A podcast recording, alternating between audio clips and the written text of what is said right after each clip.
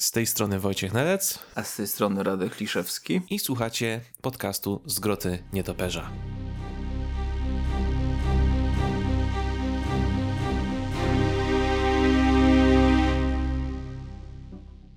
Minął 2021 rok, rozpoczął się styczeń roku kolejnego, więc witamy wszystkich, e, wszystkie osoby słuchające w kolejnym odcinku podcastu.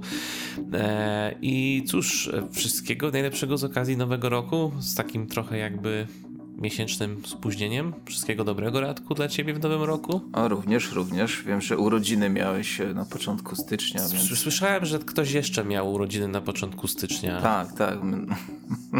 Ja mam drugiego, a ty masz chyba zdaje się czwartego, nie? Zgadza się. Dwójka, taka wielokrotność dwójki. Bardzo, tak, bardzo, tak. bardzo informatyczne. Bardzo to lubię.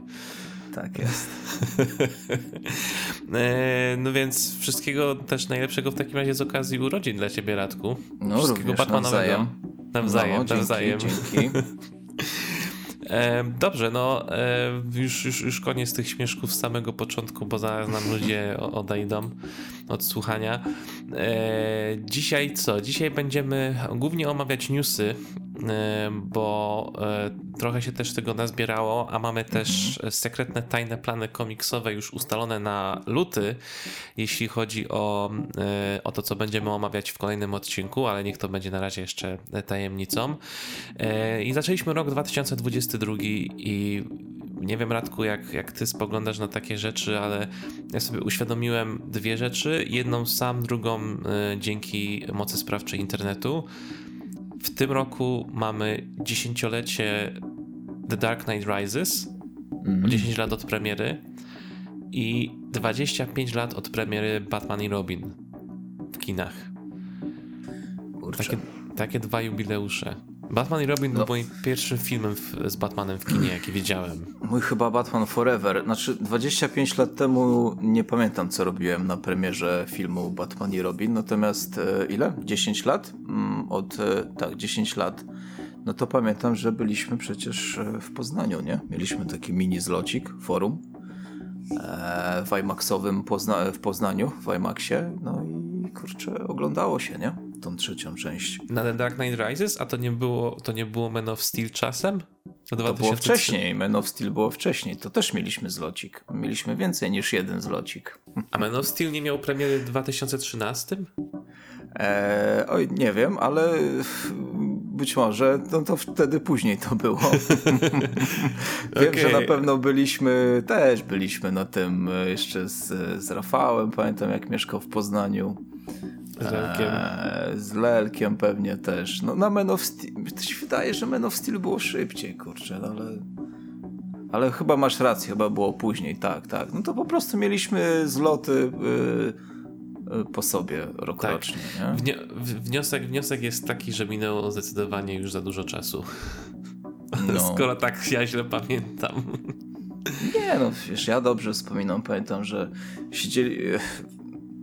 My, wy tam chyba miejsce już mieliście kupione czy coś. Ja pamiętam, że to był chyba siódmy rząd i dla mnie to było zdecydowanie za blisko, e, więc powiedziałem sobie, że następnym razem jak będę w IMAXie to minimum dziesiąty ale no pamiętam, że takie emocje były, że już po, po, po jakimś czasie zapomniałem, że siedzę w siódmym rzędzie i mogłem siedzieć kurczę w pierwszym. Pamiętam, że wróciłem z Poznania na następny dzień, e, czy jeszcze w ten sam dzień do Bydgoszczy, to od razu też poszedłem sam na seans jeszcze raz, żeby sobie obejrzeć, bo już Zresztą nagrywaliśmy chyba na kanale naszym jest e, ta rozmowa, zdaje się. E, Rzeczywiście, tak, jest e, prawie, prawie dwie gorąco, godziny. Nie? Mhm, mhm. Prawie dwie godziny rozmowy, zgadza się. No to widzisz, to już to było 10 lat temu, nie? Tak. Ten czas matko. leci, kurczę. Ja na, ja na Dark Knight Rises chyba byłem z 10 razy w kinie. Wtedy no, ja potem też chyba, no, potem jeszcze, no, no, wiadomo, nie? I nie przesadzam, naprawdę byłem chyba 7 albo 8 razy w IMAXie Potem jeszcze byłem na ostatni seans, jaki był w kinach już w, w zwykłym formacie, a później chyba rok temu, rok później czy dwa lata później był, e, był jakiś maraton wszystkich trzech filmów w multikinie no. i, znów, i znów poszedłem. Szkoda, że jakichś rozszerzonych wersji nie ma, nie? Jak we, we Władcy Pierścieni, ja byłem kiedyś na maratonie No to to był maraton, ci powiem, nie? Bo to dawali te rozszerzone wersje, no ale niestety Krzysiu Nolan nie robi rozszerzonych wersji, nie? Swoich. No dla niego, dla niego rozszerzona wersja to ta, która jest w kinie. Tak, ostateczna, no. Ale i tak, i tak The Dark Knight Rises trwał, pamiętam, na tamte czasy on trwał Tyle tak ile długo... mógł, nie? Tyle ile mógł tam najdłużej, nie? W IMAXie, bo to chyba było ograniczone. Tak, działanie E. projektora. d- Dwie, i pół- dwie i pół godziny chyba w przybliżeniu. Tam pewnie jest jakaś dokładna e, wartość tego, ale już tego nie pamiętam. I rzeczywiście on wykorzystał cały możliwy czas, kiedy ten projektor mógł działać. Kurczę, co za bzdura w ogóle, że jakiś projektor go ograniczał. Tak to by więcej zrobił, nie? Tak. No kurczę, jakiś- w dzisiejszych czasach jakiegoś lepszego projektora nie dali mu. Znaczy w tamtych czasach. W tamtych czasach. Tak. E, Ale dobra, o tym, o tym pewnie będziemy sobie jeszcze rozmawiać, podejrzewam, w okresie wakacyjnym, bo to będzie dobry powód do jakby tematycznego odcinka, jakby nie było.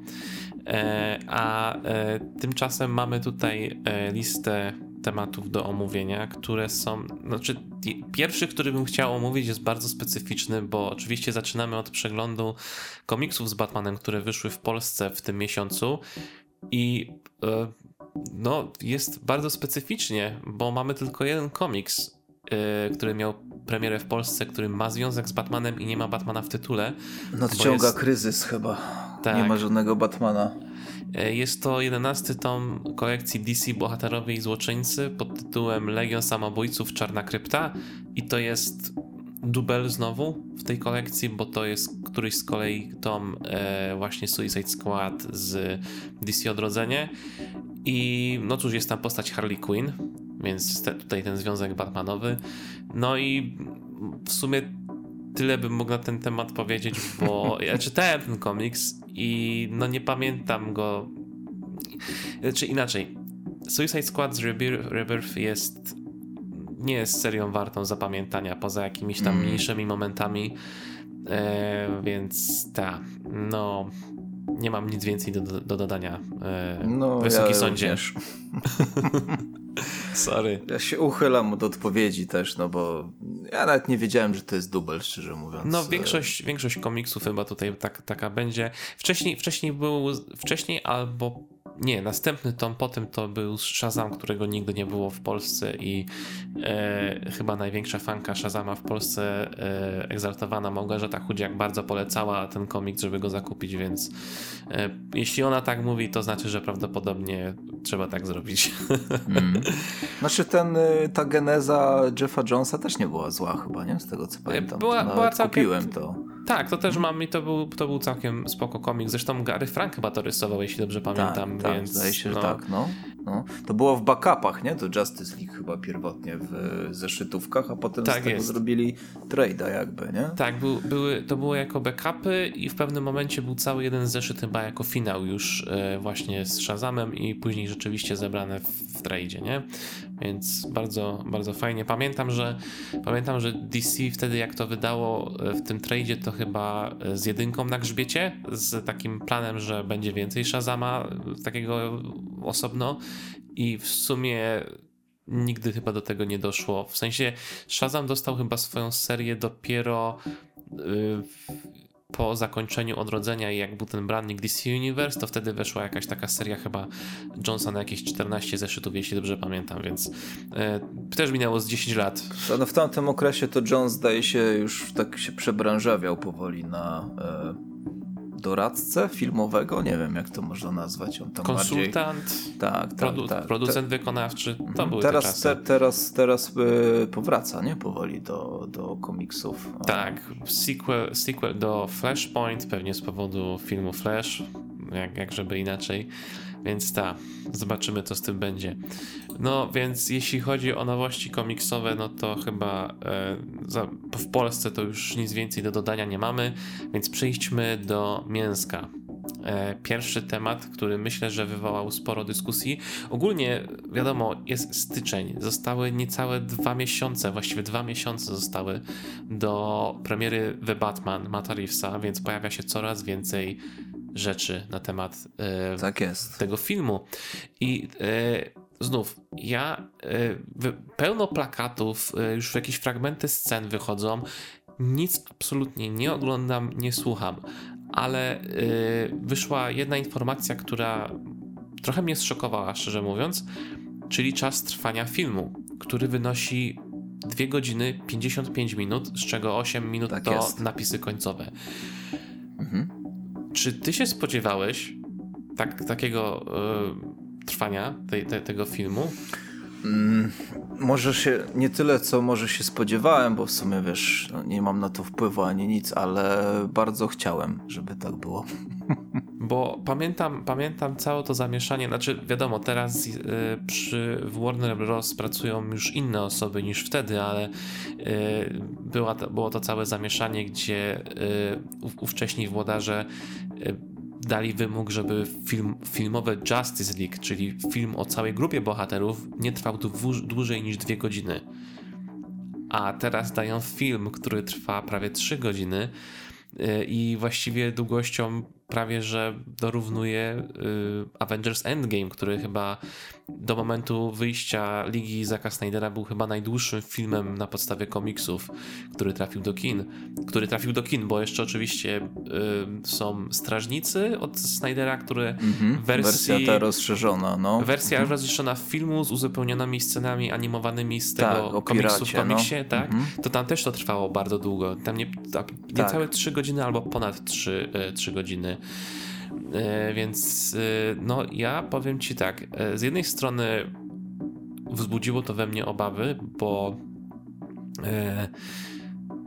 to jest długo i bardzo bym, jakby obawa jest w tym, że to będzie zbyt rozwleczony film, ale z drugiej strony, jeśli to będzie dobry film, za, za co trzymam kciuki, to znaczy, że dostaniemy bardzo dużo dobrego filmu. Tak, tak. No nie, to to ci zleci. Nie wiem, czy oglądałeś e, nową Dune.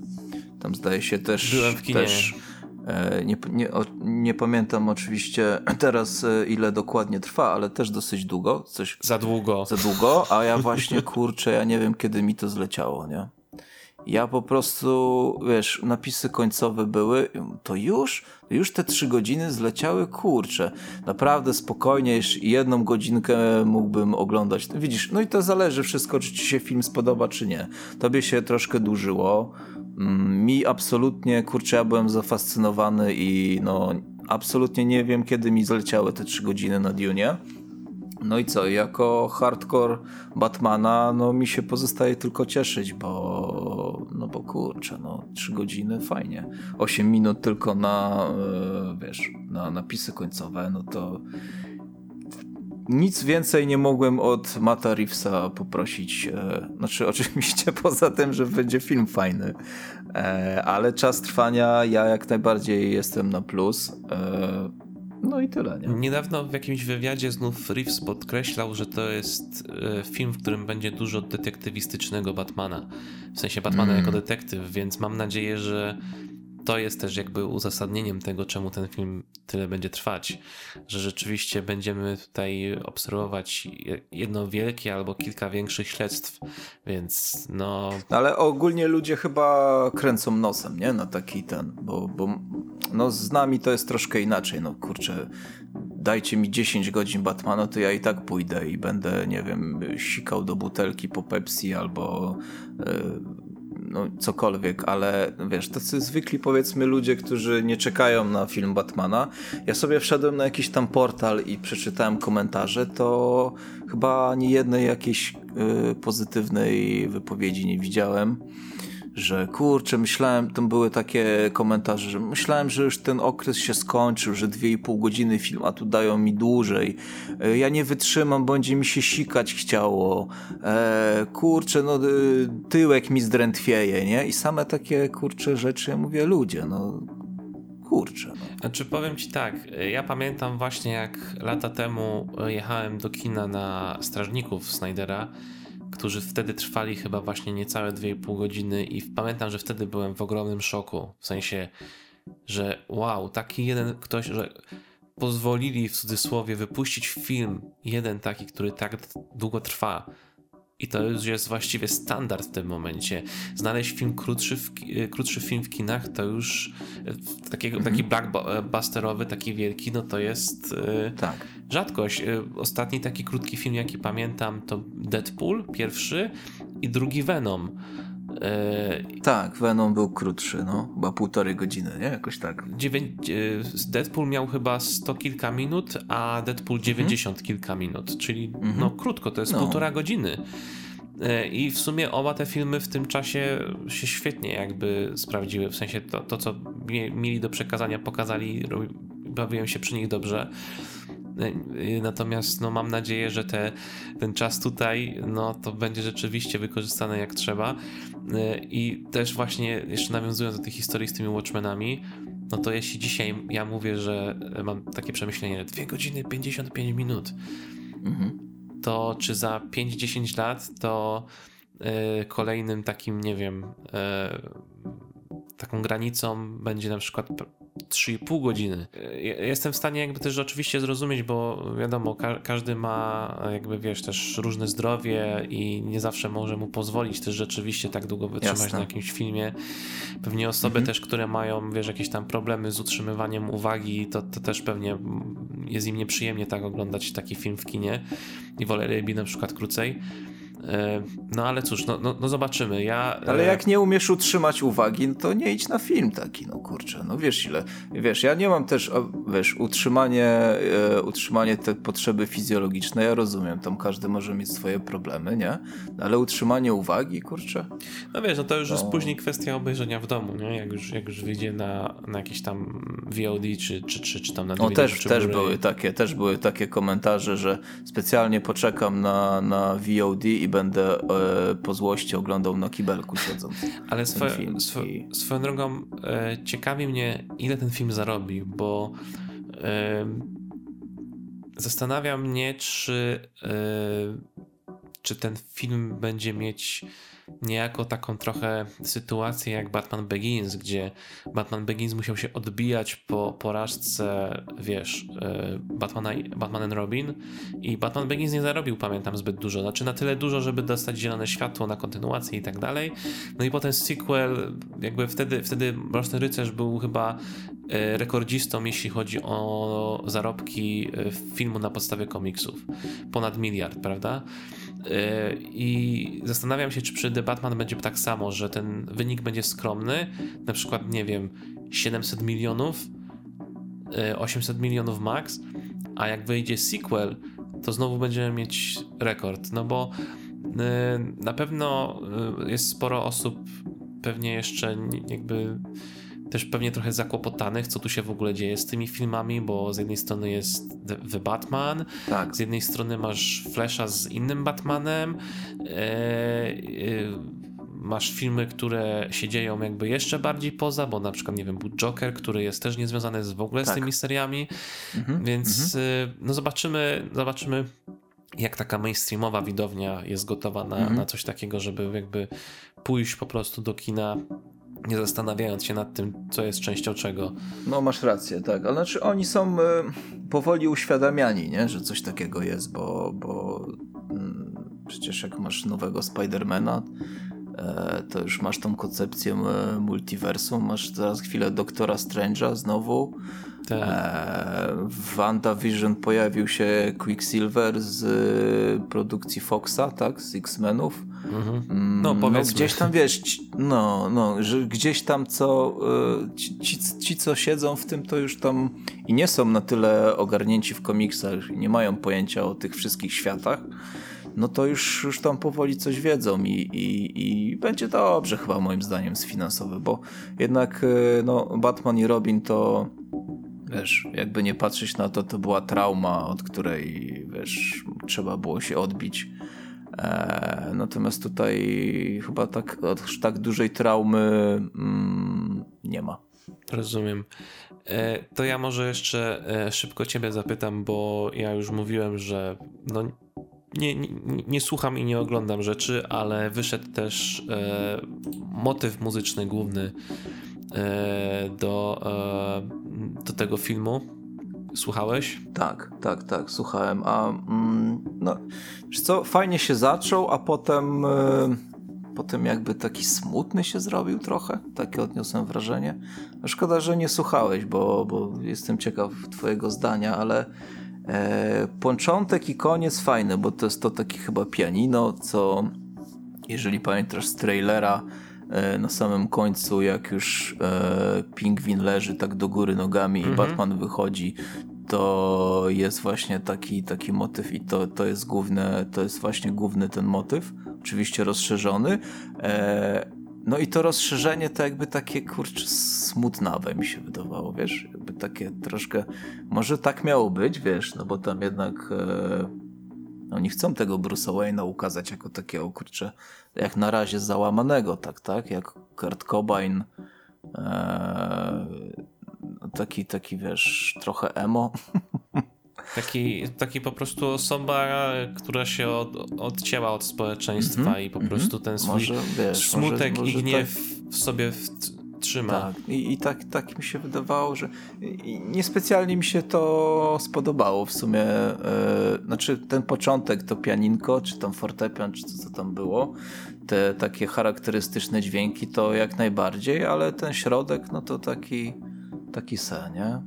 No ale wiesz, no to wszystko zależy od koncepcji i może, tak jak mówię, może tak miało być i, i, i może coś ten, ten smutek będzie większą rolę grał, co bardzo w sumie mnie cieszy. No ja, ja czekam, żeby usłyszeć muzykę już rzeczywiście w, jakby w kontekście filmu, e, ale na pewno ja, ja e, muzyka dla mnie w filmie jest dla mnie bardzo ważna i ogólnie ja, ja lubię muzykę, się tym jakby czy interesuję się amatorsko, że tak powiem, ze strony twórczej, więc e, no ja się nie mogę doczekać, żeby to zobaczyć w filmie, usłyszeć w filmie, a później, a później pewnie wjedzie soundtrack e, kupiony na, na płycie, czy tam jakimś winylu, czy czym, czymkolwiek tam to wyjdzie i, i, no. i wtedy sobie w, się bardziej wsłucham i w, z przyjemnością oczywiście myślę, że e, myślę, że w marcu pewnie cały odcinek poświęcimy temu filmowi i na pewno poruszymy też temat muzyki. No, na pewno.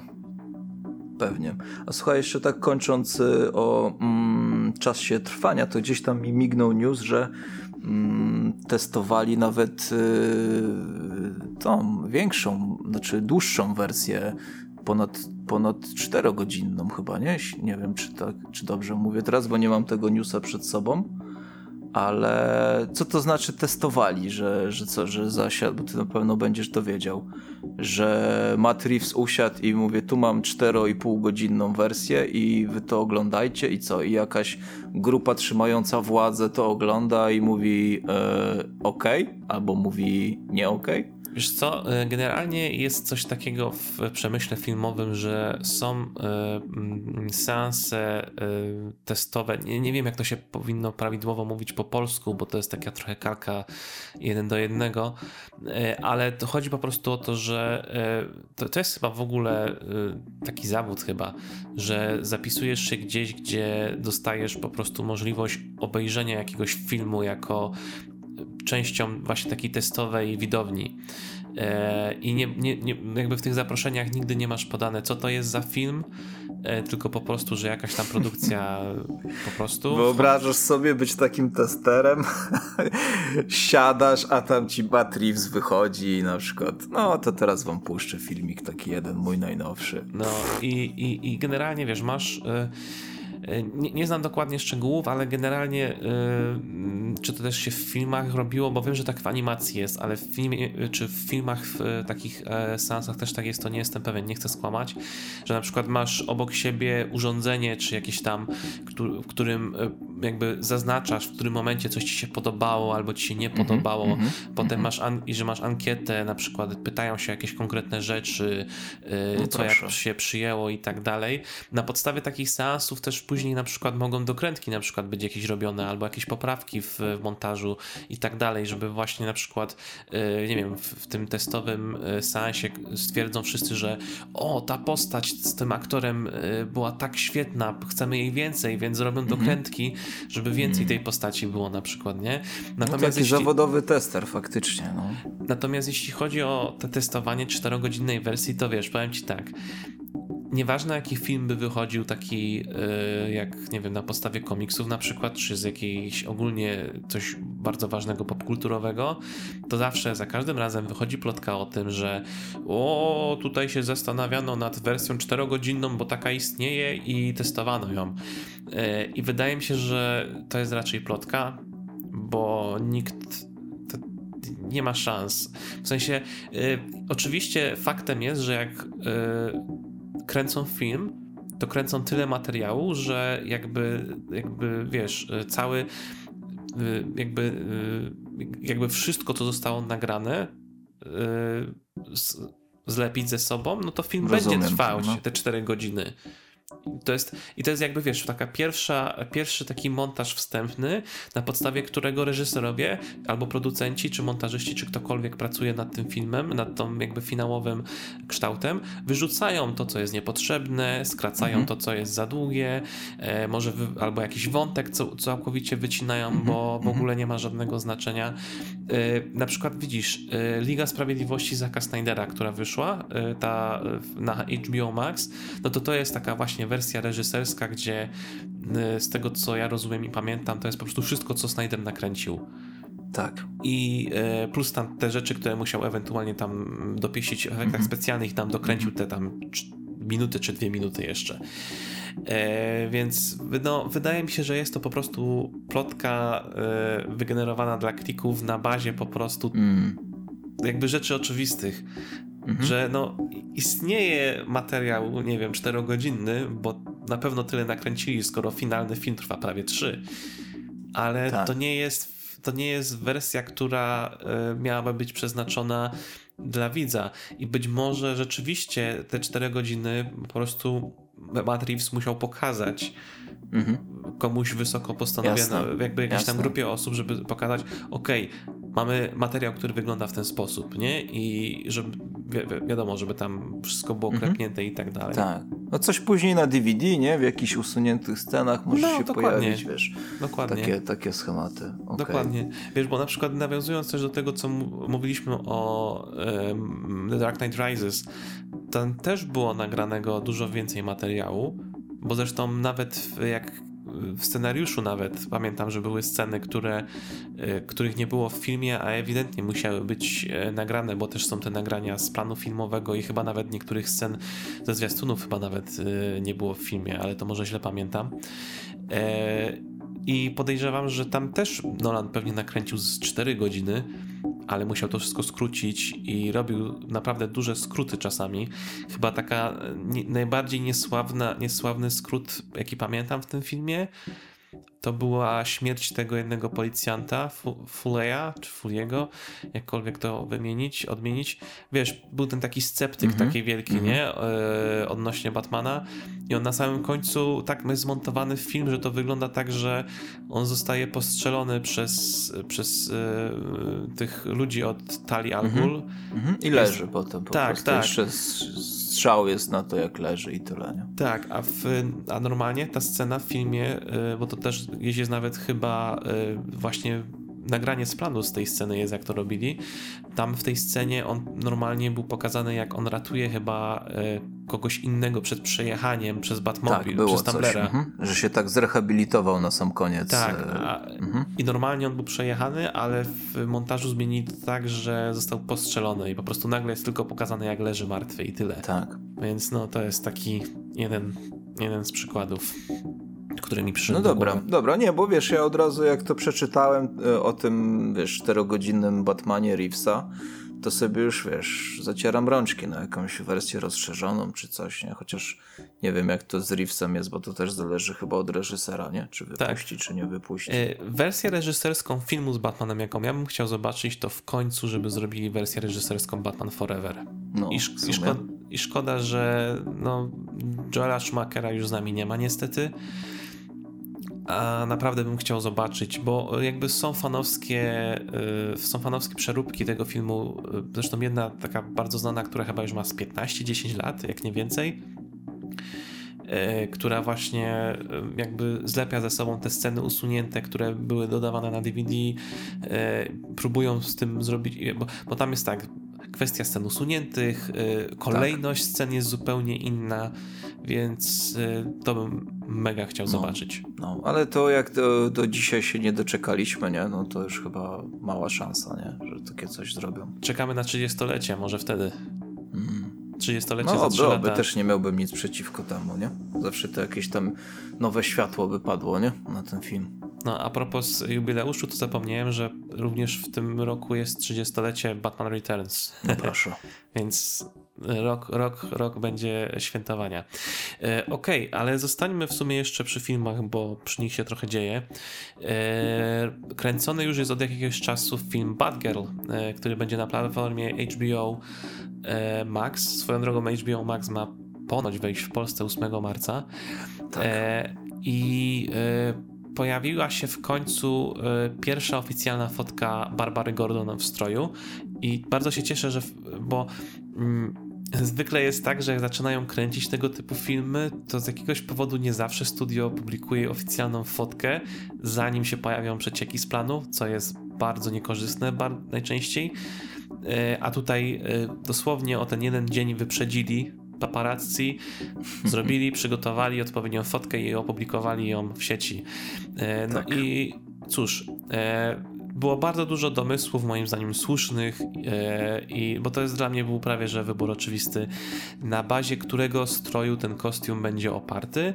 No i mhm. dowiedzieliśmy się, że Leslie Grace pojawi się jako Barbara Gordon z rudymi włosami w stroju Batgirl, inspirowanym praktycznie jeden do jednego e, tak. strojem z 2014 roku, jeśli dobrze pamiętam. E, tak, e, który został zaprojektowany przez Camerona Stewarta i Babs Tar, który pamiętam, że wywołał naprawdę sporą, sporą taką pozytywną reakcję wtedy, bo to była dosyć taka zmiana, wiesz. Mm, zmiana na zasadzie zróbmy, zróbmy kostium, który e, rzeczywiście jest praktyczny i e, po prostu no, pasujący, a nie no, wiadomo jak z tymi kostiumami e, potrafi być, szczególnie dla postaci damskich. A ten mm. rzeczywiście e, no, był taki, jaki moim zdaniem powinien być.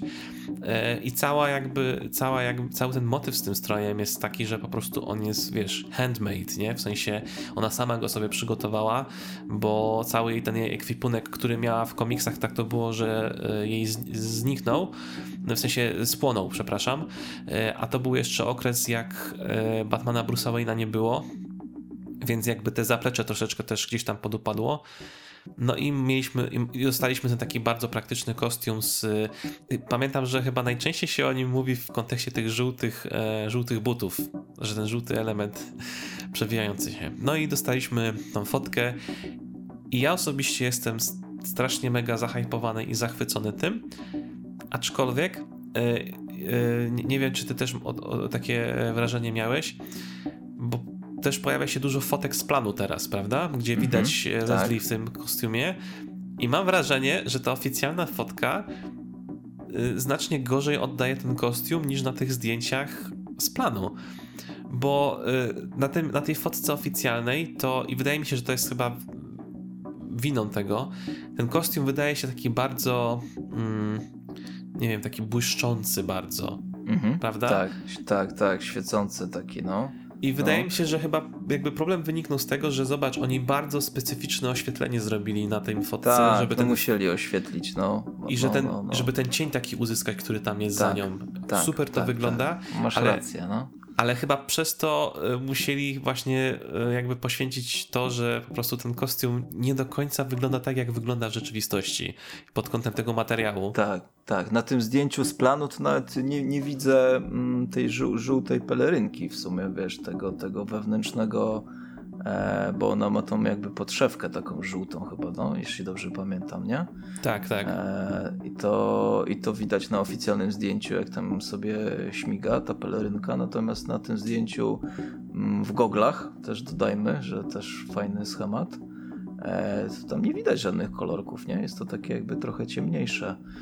E, no, no ale wiesz, no jak zwykle, kurczę, też sobie przeczytałem, nie wiem po co ja w te komentarze wchodzę w ogóle, ale e, no słuchaj, no, jak były, ob, były obcasy, tam Wonder Woman miała jakieś obcasy, czy tam ktoś, to było marudzenie, że no ale jak ona na obcasach może skakać po dachach, nie? Teraz nie ma, e, Barbara nie ma obcasów, bo na tym oficjalnym, jednym z tych oficjalnych zdjęć widać, że ma te takie, wiesz, buty wojskowe jakby. To też jest, to teraz z kolei przeczytałem jakiś komentarz, że, że w ogóle nie jest kobieca, nie? Że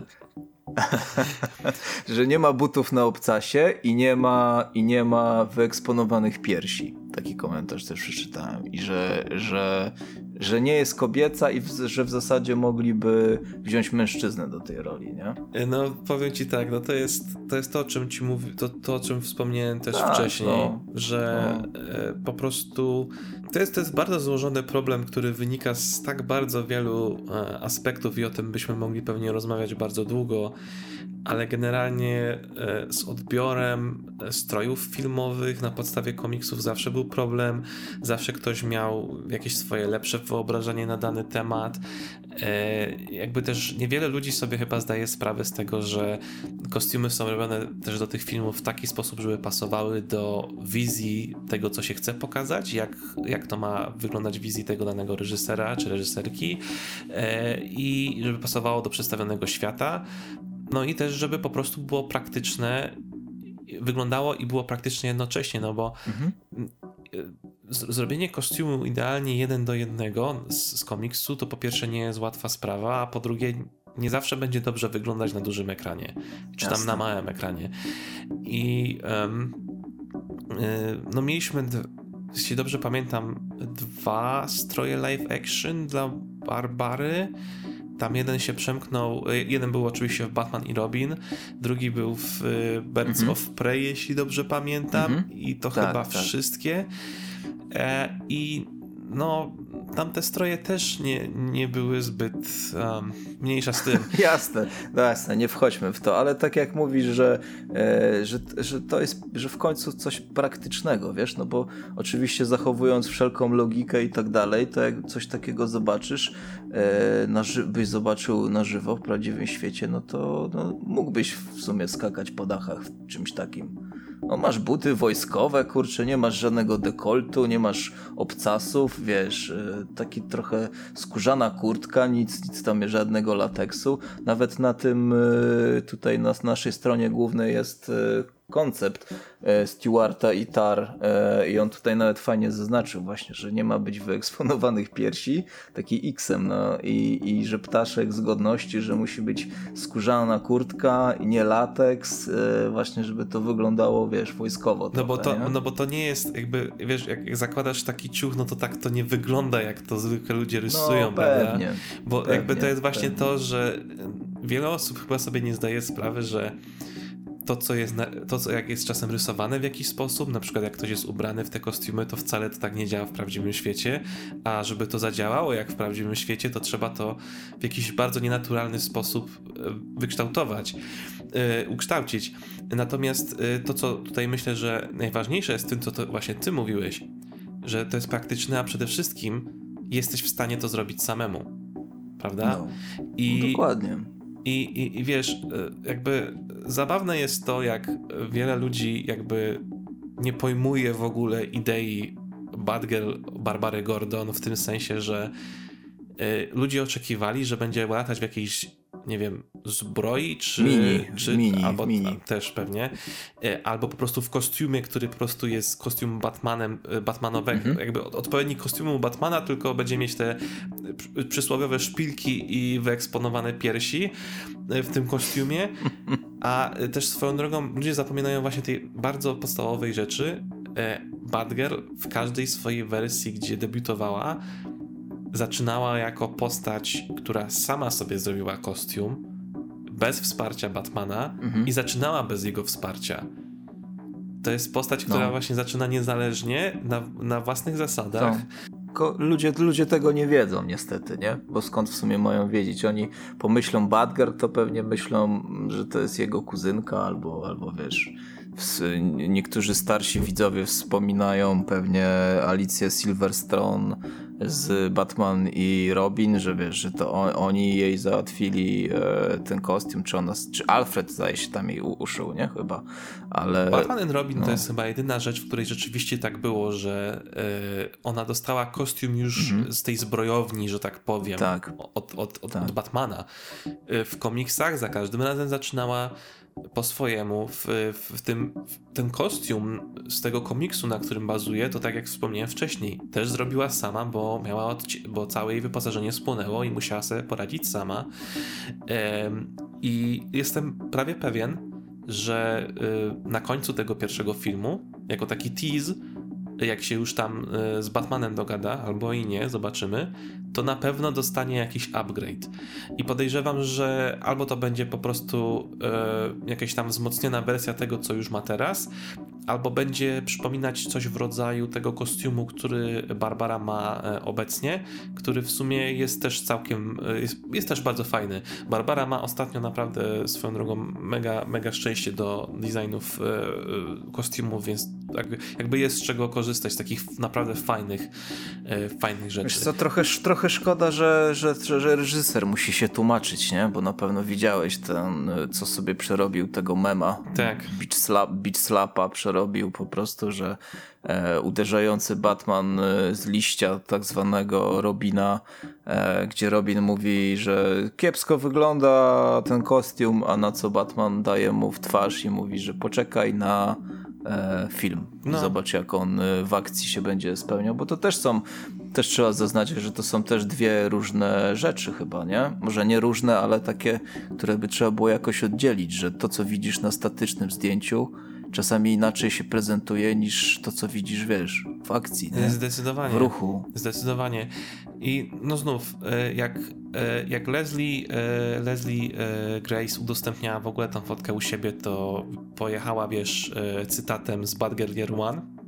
To jest w ogóle wielki szacun za to.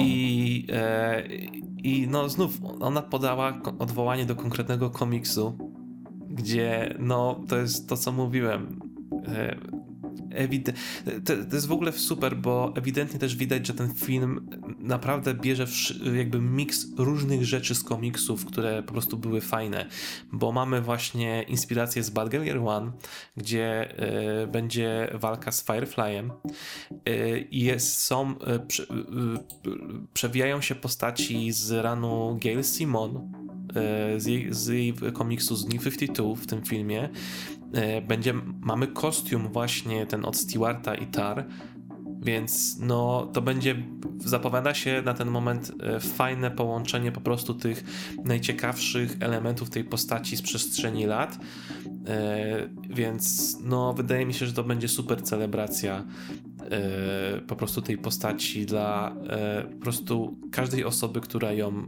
kocha, która ją lubi i nieważne czy ma 50 lat, czy ma 30 lat, czy będzie mieć 8 lat, to znajdzie po prostu tą, tą postać, tą najlepszą. Bo jakby też ludzie czasem zapominają, że szczególnie starsi ludzie o tym zapominają, bo zapominają o tym, jak to było, kiedy oni byli dzieciakami.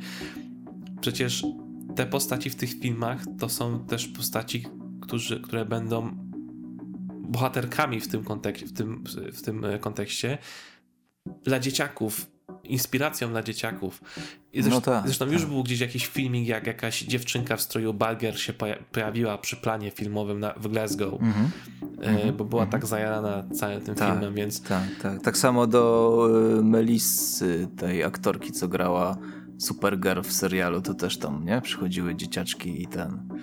No, to, i... to jest też bardzo ważne i wiesz, no nie, nie wyobrażam sobie tak przeseksualizowanego kostiumu filmowego dla takiej postaci, bo to, to by chyba trochę dawało nie ten, nie, ten, nie, ten, nie ten chyba przekaz, który powinien być dawany dla takiej postaci, jaką jest Barbara, bo Barbara y, jest świetną postacią nie dlatego, że wygląda jakby nie wiem, wyszła z jakiejś sesji zdjęciowej dla magazynu dla dorosłych. Tylko, że nie wygląda właśnie. Ale jest bohaterką, jakby wiesz, dla wszystkich i jej, jej, jej jakby no, cechą główną jest nie to, że wygląda, tylko że to, co robi i jakie ma znaczenie dla y, po prostu dla, dla tych, których, no. których ratuje. Czyli wniosek taki, że nie czytajcie komentarzy, po prostu miejcie, swo miejcie swoje zdanie, ale że szkurcze jak już reżyser czy tam producent już tego beach slapa przerabia, no to już coś tam musiało mu chyba zaleźć za skórę, co te komentarze. Szkoda, nie?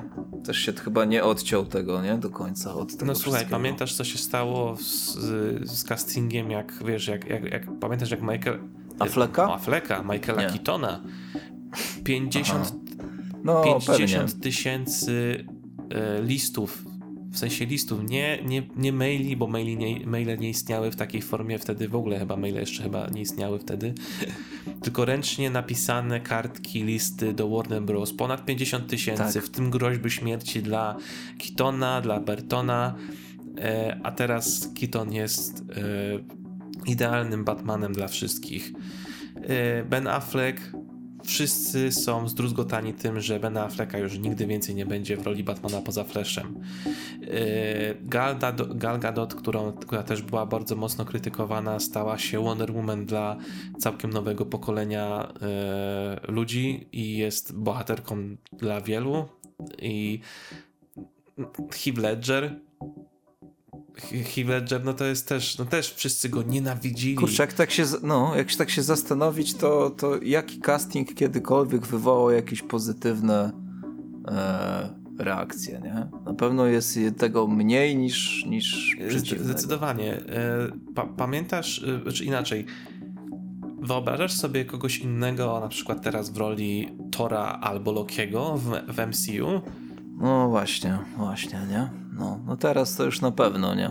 Jak ogłosili casting do pierwszego fora, gdzie właśnie pokazali, e, kto zagra te dwie postaci, to normalnie e, w nagłówkach mówili, że no, studio, studio oszalało, bo e, do ważnych postaci zatrudnia absolutnych no-name'ów. No i co? Chyba wiedzą, co robią, nie? Jednak tam już...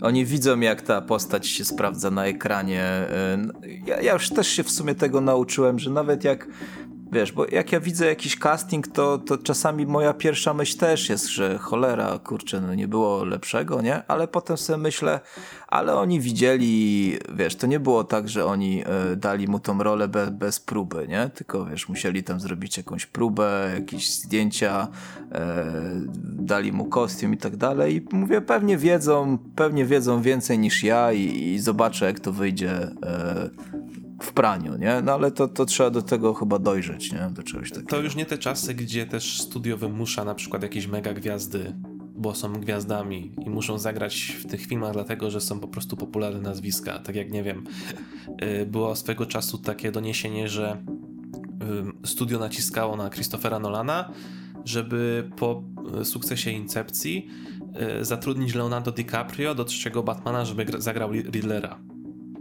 Ale Nolan stwierdził, że e, no chyba nie.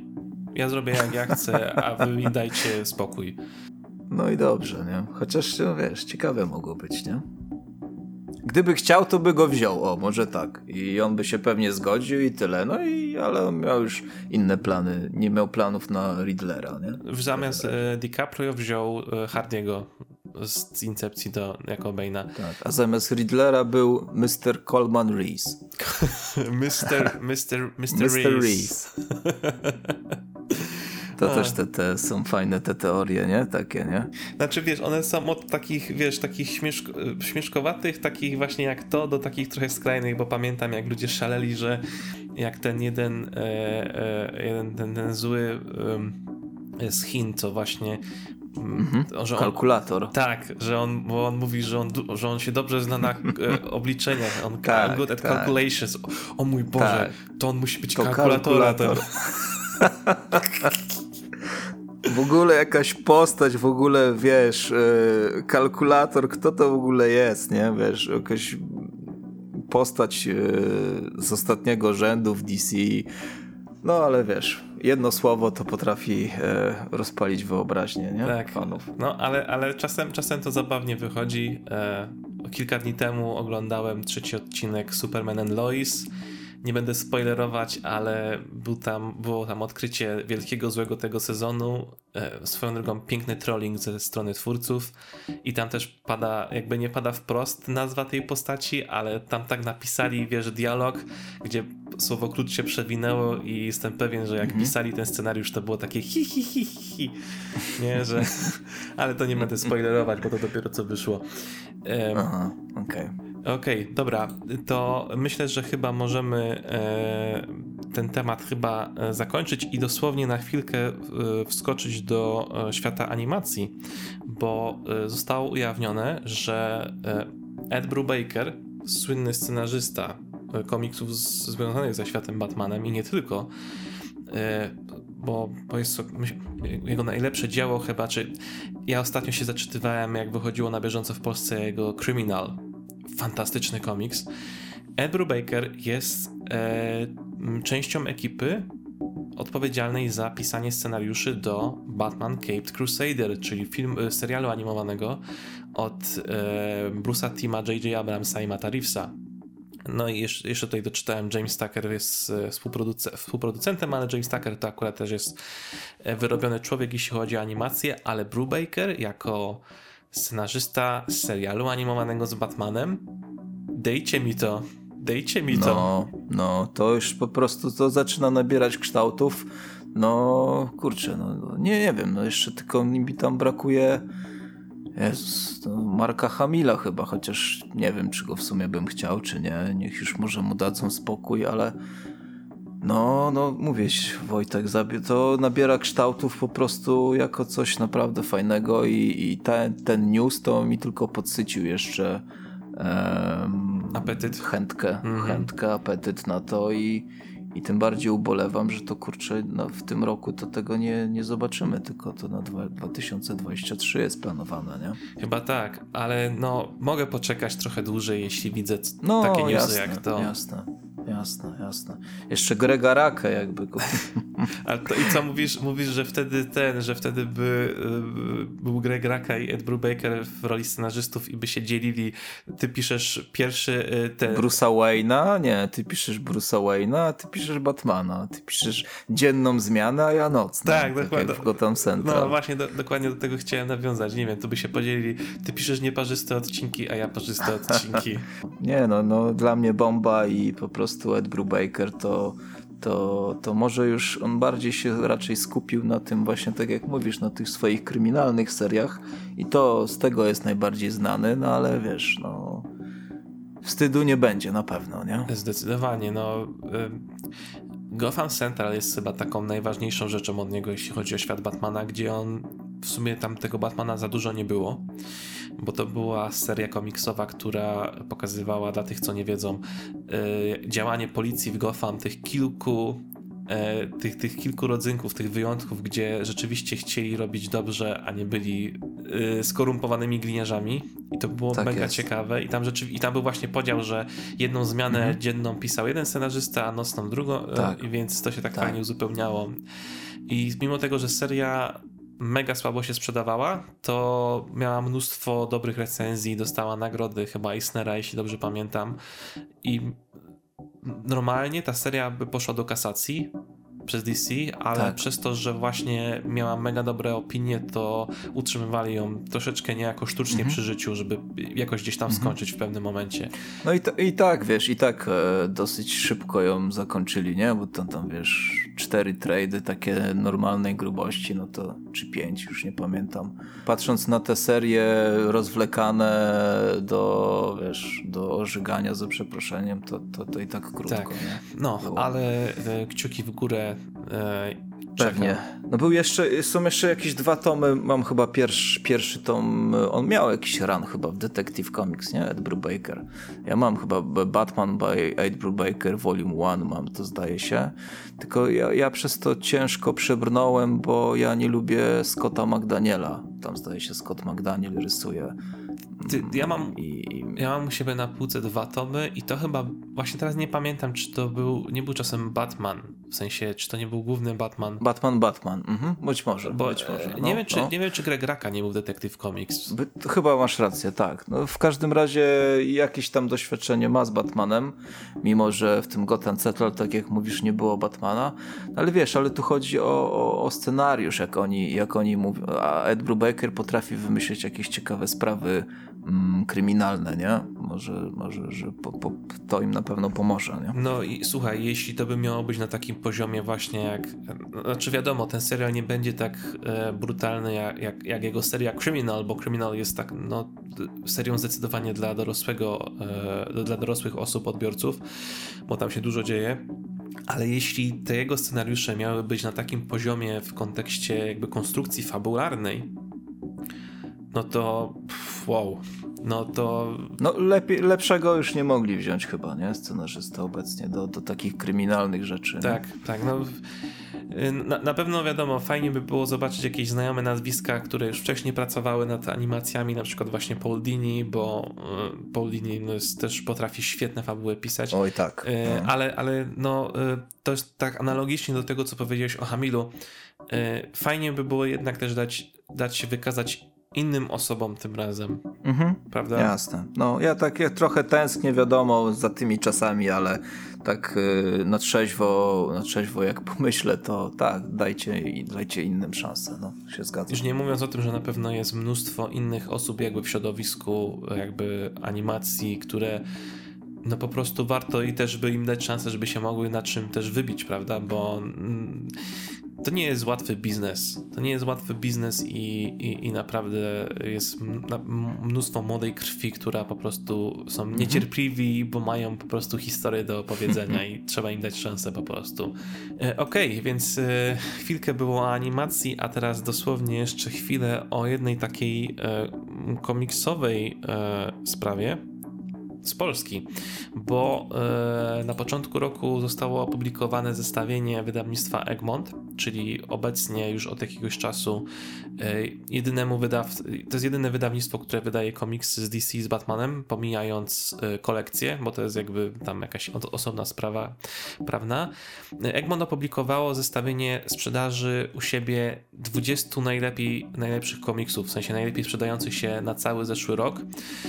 To jest 20 tytułów, gdzie większość, no, jakby nie jest zaskoczeniem, bo tam jak zwykle dominuje Kajko i Kokosz, Forgal, Kajko, znów Kajko i Kokosz, znowu Torgal, Asterix. E, e, jest też na przykład e, komiks e, Czarodziejki Witch, gdzie to mnie absolutnie nie dziwi. To jest, to jest, to jest po prostu e, powrót fenom fenomenu do naszego kraju. A to też swoją no. drogą bardzo dobry komiks. Miałem okazję sobie to przeczytać właśnie. E, mega fajny. I, też nie dość, że mega fajny, to jeszcze dosyć nostalgiczny podwójnie, bo wiesz, jak widzisz postacik, że jedna postać odwiedza drugą postać, ej, czy mogę wydrukować swoją pracę domową na twoim komputerze i przynosi y, dyskietkę do komputera. Mm. E, albo jak jakaś postać dostaje telefon, który jeszcze jest, wiesz, tym takim skrapką, zamykany, otwierany, mm -hmm, to jest mm -hmm, nostalgia mm -hmm. mocno. Ale nas oczywiście najbardziej interesuje, czy był tu jakiś komiks związany z DC. I na tych 20 tytułów, e, to tak teraz może delikatny, może delikatnie wbijesz pilkę, nie ma ani jednego mhm. Marvela, nie licząc. O, nie... faktycznie, nie, nie zauważyłem nawet. No. Jest, jest, jest co prawda Star Wars, bo, bo to jest komiks. A to już Marvel. Bo to nie? jest z Marvela, ale nie ma żadnego superhero Marvel, prawda? Mhm. I mamy na 11 miejscu jeden komiks DC. I jestem ciekaw, czy ktokolwiek was się spodziewał, mógłby zgadnąć, co to za komiks. To nie jest Trzech Jokerów, to nie jest y, żaden Batman Kinga, to nie jest żaden tytuł z Harley Quinn w tytule. To jest Batman Fortnite Fundament ten komiks, e, znaczy wiadomo, tu jest mnóstwo czynników, które wpłynęły na to, czemu ten komiks akurat tak dobrze się sprzedał. Uczcijmy to minutą ciszy. Tak. E, no, słuchaj, no, no, no, co ci mam powiedzieć, no kurczę. A tam był ten kod? Był, tak, nie? Ten, tak, to jest jeden z... A fundam Fundament to jest y, to druga część, czy to jest ta pierwsza? To jest właśnie ta druga, bo to jest właśnie to. Nie dość, że to jest oczywiście komiks, który jest crossoverem z jedną z najpopularniejszych gier obecnie. Po drugie, mhm. to jest komiks, w którym właśnie jest kod do tej gry. Po trzecie, mhm. to najtańszy komiks z DC od lat, od, od ponad 10 lat, jak nie więcej. My mm. rozmawialiśmy na ten temat, mm. jak ten ta, komiks wychodził. Ta, ta, on jest 25 zł chyba, no, nie? Plus zniżki jeszcze mm, gdzieś w sklepie. Dokładnie. To... I on ma chyba 48 stron, więc też jest e, cienki. Więc to wszystko spowodowało, że no to był murowany hit po prostu dla, dla Egmontu i podejrzewam, że DC cały czas tylko jeszcze nawet nie zdążyło jeszcze policzyć tej kasy, która im weszła za, za ten komiks, więc pewnie jakby jestem pewien, że już szykują kolejne tak. crossovery. Dziwne, że jeszcze nie ma, no. nie? w sumie. No mówię, jeszcze się jeszcze nie zdążyli naliczyć e, wpływów za, za tamte, bo im tyle, tyle, tyle wpływów z tego przychodzi pewnie. Tak. No słuchaj, no to jest dobry przykład czasami jak e, czytasz o, o, o jakimś produkcie, niekoniecznie komiksie, to jest napisane, że ten produkt odniósł sukces komercyjny, i e, kurczę, wypadło mi teraz słowo, ale chodzi o to, że doceniony przez krytyków został i, i, i, i czasami te dwie rzeczy są, e, są wspólne jakby, natomiast tutaj e, tutaj chyba komercyjny tylko odniósł sukces, nie? No bo... Wiesz, dla mnie to nie jest nic złego, szczerze mówiąc, no bo okej, okay, być, być może jakimś dzieciakom ten komiks się podoba, jakby super, E, prawdopodobnie sprzedaż jest taka, bo chcieli ten kod. Też super, no czemu nie? Natomiast e, jeśli coś jest takim komercyjnym sukcesem, no to myślę, że to jest, wiadomo, dobra rzecz dla wydawnictwa, bo to tylko wzmacnia jego pozycję u nas, a jeśli wzmacnia jego pozycję i naładowało bank kasą za taki komiks, no to wtedy, wiecie, jeśli jakiś jeden tytuł zarabia bardzo dobrze, to on wtedy prawdopodobnie zarabia po to, żeby móc wydać jakieś inne tytuły, które niekoniecznie będą się dobrze sprzedawać, prawda? E, więc no, mam nadzieję, że też tak tu będzie i że po prostu w przyszłości będziemy, po prostu te, te bestsellery będą jakby pompować jakby możliwości wydania czegoś e, trochę mniej jakby, wiesz, takiego e, co się nie sprzeda dobrze, ale przez to, że coś innego zarobiło, no to jest budżet na to, żeby takie ryzyko podjąć. Jasne, jasne, rozumiem. No pewnie, ja tam też nic nie mam do tego. E, tylko jako taki powiedzmy pseudokrytyk, to, to wiesz, no, no ja tego nawet nie czytałem, a, a, to zajmuje pierwsze miejsce wśród Batmanów, no to kurczę, no muszę to przeczytać chyba teraz, nie?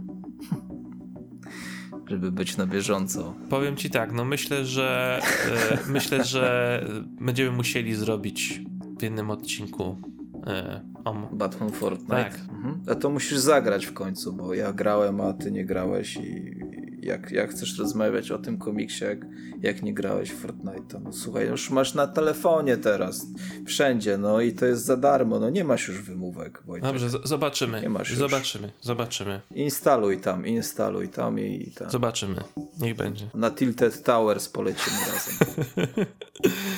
No okej, okay, to wrócimy w takim razie e, to be continued, temat Fortnite'a e, i przejdziemy szybciutko do komiksów. Ja mówię szybciutko, bo bym chciał e, bardzo pokrótce dwa zeszyty po swojej stronie omówić, a wiem, że ty masz coś większego. No, ja też jeden, ja też pokrótce jeden zeszycik taki e, Myślę, że e, należałoby zakończyć temat komiksu Robin and Batman, który e, omawiałem w zeszłym miesiącu, jeśli dobrze pamiętam, tak, miesiąc temu. Dwa zeszyty z trzech, teraz już mam w ręce trzeci. E, komiks Jeffa Lemira i Destina Nuana, e, który opowiada o bardzo, bardzo wczesnym etapie działalności Dicka Graysona już jako pomocnik Batmana, gdzie on jeszcze nawet na początku nie ma jeszcze swojego stroju, tylko jeszcze trenuje. I ja byłem bardzo zachwycony tymi dwoma pierwszymi numerami i była bardzo intrygująca, był bardzo intrygujący motyw łączący Robina z złoczyńcą jakby głównym w tej historii, z Killer Krokiem, który jest pokazane, że tak, ma, pamiętam, no. ma pewien związek jakby z, z przeszłością Dicka Graysona. I cóż, nastąpił finał i ojej, dałem się złapać w pułapkę trochę, bo e, ja zawsze powtarzam, nie rób sobie żadnych nadziei, nie, nie dopowiadaj sobie nigdy czegoś, co prawdopodobnie będzie, bo możesz się rozczarować. Musisz, że trzeba zawsze ze spokojną głową na czysto podchodzić do wszystkiego. Tutaj złamałem tę zasadę, zaszalałem i wysunąłem wnioski, jak ten finał się potoczy. I absolutnie tego finału tutaj nie było. I to nie jest. Czyli źle raczej. Słuchaj, to nie jest zły komiks. To jest dobry komiks. To jest. Jak, jak, jak masz komiksy Jeffa Lemira i masz ten jego najwyższy poziom, najlepsze historie, mhm. gdzie on naprawdę mhm. super robi cały komiks od początku do końca, to poziom niżej masz po prostu dobre komiksy Jeffa Lemira. Ja bym powiedział, że to jest ten właśnie drugi poziom, gdzie to są dobre komiksy Jeffa Lemira, bardzo dobre komiksy ogólnie, ale nie bardzo dobre jako Jeff Lemire, tylko po prostu dobry. Bo e, końcówka jest troszeczkę jakby to powiedzieć, trochę stereotypowa. E, coś właśnie, bo po Lemirze się spodziewa zawsze czegoś trochę więcej i tego trochę więcej tutaj aż tak za bardzo nie ma. Jest finałowa konfrontacja między Batmanem i Robinem pod kątem tej takiej jakby kwestii współpracy rodzinnej i tak dalej, bo tam Bruce był bardzo mega cięty i chamski na Dicka i Alfred bez przerwy musiał Bruce'a po prostu y, pouczać i to w sumie cały czas jest obecne w tym komiksie, w tym trzecim zeszycie też bardzo zabawne i słuszne swoją drogą. Y, mamy Dicka, który próbuje się odnaleźć i jakby od, odnaleźć w tej sytuacji, w której jest i czy on powinien dać się pochłonąć, po, pochłonąć temu mrokowi, który, yy, który otacza Batmana, czy on powinien robić coś inaczej. Jak to tutaj to wszystko rozwiązać? Yy, no i jest ta konfrontacja między całą trójką niejako naraz. Yy, i, to, I ta końcówka jest raczej bardzo typowa właśnie jeśli chodzi o starcie z Killer Krokiem, a ja się tutaj spodziewałem czegoś zupełnie innego, szczerze mówiąc był potencjał na coś innego, został zmarnowany. Nie jest to przez to zły komiks, ale po prostu tylko dobry komiks Jeffa Lemira. I jedyne, co bym chciał tylko powiedzieć, e, coś, co ciekawostka odnośnie tego komiksu. I ja nie wiem, czy to jest celowy easter egg, czy przypadek, ale moim zdaniem, jeśli ktoś pisze komiks z Batmanem i robi coś takiego, no to mam nadzieję, że to nie jest przypadek, ponieważ jest scena w szkole, e, do której chodzi Dick Grayson. I e, w pewnym momencie e, jeden kolega z klasy od Dicka go zaczepia, bo on tam widzi, że Dick rysuje jakieś stworzenia w zeszycie, on tam rysował Killer Croca. I, i, ten kolega go zagaduje, że o, widzę, że taką fajną, e, fajnego potwora narysowałeś i on go zaczyna zagadywać, że może grasz w Dungeons and Dragons, bo my tutaj z kolegami gramy i może byś chciał do nas dołączyć, nie? Do, do sesji.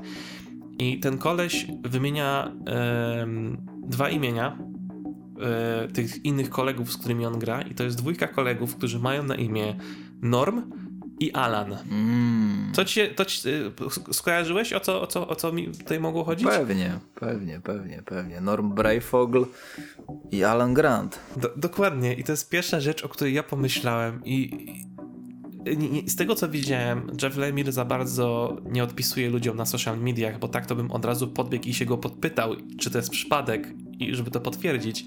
Nie, ale, no na pewno nie, na pewno nie. Ale mnie, tak, nie. tak mi serducho zabiło szybciej, jak to zobaczyłem, no bo przecież to jest super ciekawostka dla osób, które czytały Batmana w latach 80. i 90. To jest super. Czyli dla Lemira, nie? To on też przecież ma mniej więcej tam z tamtego okresu się wywodzi, nie? Pewnie tak, no podejrzewam, że wtedy, kiedy te komiksy wychodziły, to on już tam pewnie był nastolatkiem, tak. młodym naj, naj, najpóźniej. No i też super ciekawostka dla semikowców, prawda, do wychwycenia. Tak. Nie, to na pewno nie jest przypadek. Stawiam po prostu dolary przeciw orzechom, że, że, że to jest e, specjalne, bardzo fajne. Więc e, super, super nawiązanie. Lubię, lubię takie rzeczy, mhm. e, więc no za, za, to był taki, taki, taki plusik jeszcze gdzieś tam ode mnie dodatkowe. Finalnie na pewno polecam ten komiks osobom, które szukają właśnie ym, relacji Dicka z Bruce'em w tym bardzo wczesnym etapie współpracy, gdzie Bruce nie jest absolutnie idealnym mentorem, nie jest idealnym ojcem.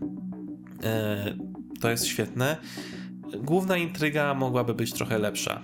Na pewno mogłaby mieć lepszy finał bo spodziewałem się czegoś trochę bardziej emocjonalnego, bo Lemir dostarcza zawsze pod tym kątem, a tutaj raczej jest akcyjniak w finale między tym Killer Krokiem a, a, a naszymi Wiesz, mo może tam go jakiś edytor przyhamował trochę, nie? Wiesz, też nie wiadomo jak to do końca było, nie? No, możliwe. No, ale niestety, znaczy, mm. niestety, niestety to prawdopodobnie na nie wiadomo jak długo będzie prawdopodobnie ostatni komiks Lemira e, dla DC, bo on podpisał teraz kontrakt ekskluzywny z Image Comics, więc o, nie wiedziałem. No.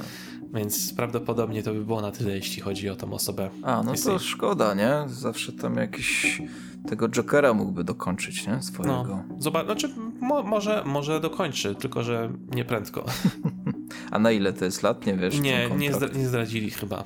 Ale to chyba na, duż na dużo zawsze takie kontrakty się podpisuje. No, na, na, długo, na, kil na, kilka lat pewnie minimum, pewnie mm -hmm. dwa, dwa, trzy to jest mm -hmm. pewnie minimum, prawda? Bo trzeba, trzeba jednak potworzyć tych komiksów. No, więcej chyba, więcej, więcej. No dobra, no to ja mam dla ciebie też mam taki zeszycik, ale ten, zanim zdradzę co to jest, to mam dla ciebie zagadkę, no bo wiesz, tu Riddler nas straszy z telewizji, y, różne jakieś tam, wiesz, zagadki Riddlera z nowego filmu, jakieś, wiesz, tajemnice, nie tajemnice. Ja mam taki dosyć stary zeszyt yy, i chciałbym, żebyś zgadł, z jakiego roku pochodzi ten zeszyt. Mm, I mam dla ciebie podpowiedź. I podpowiedź, uwaga, podpowiedź brzmi tak. Not great, not terrible. Not great, not...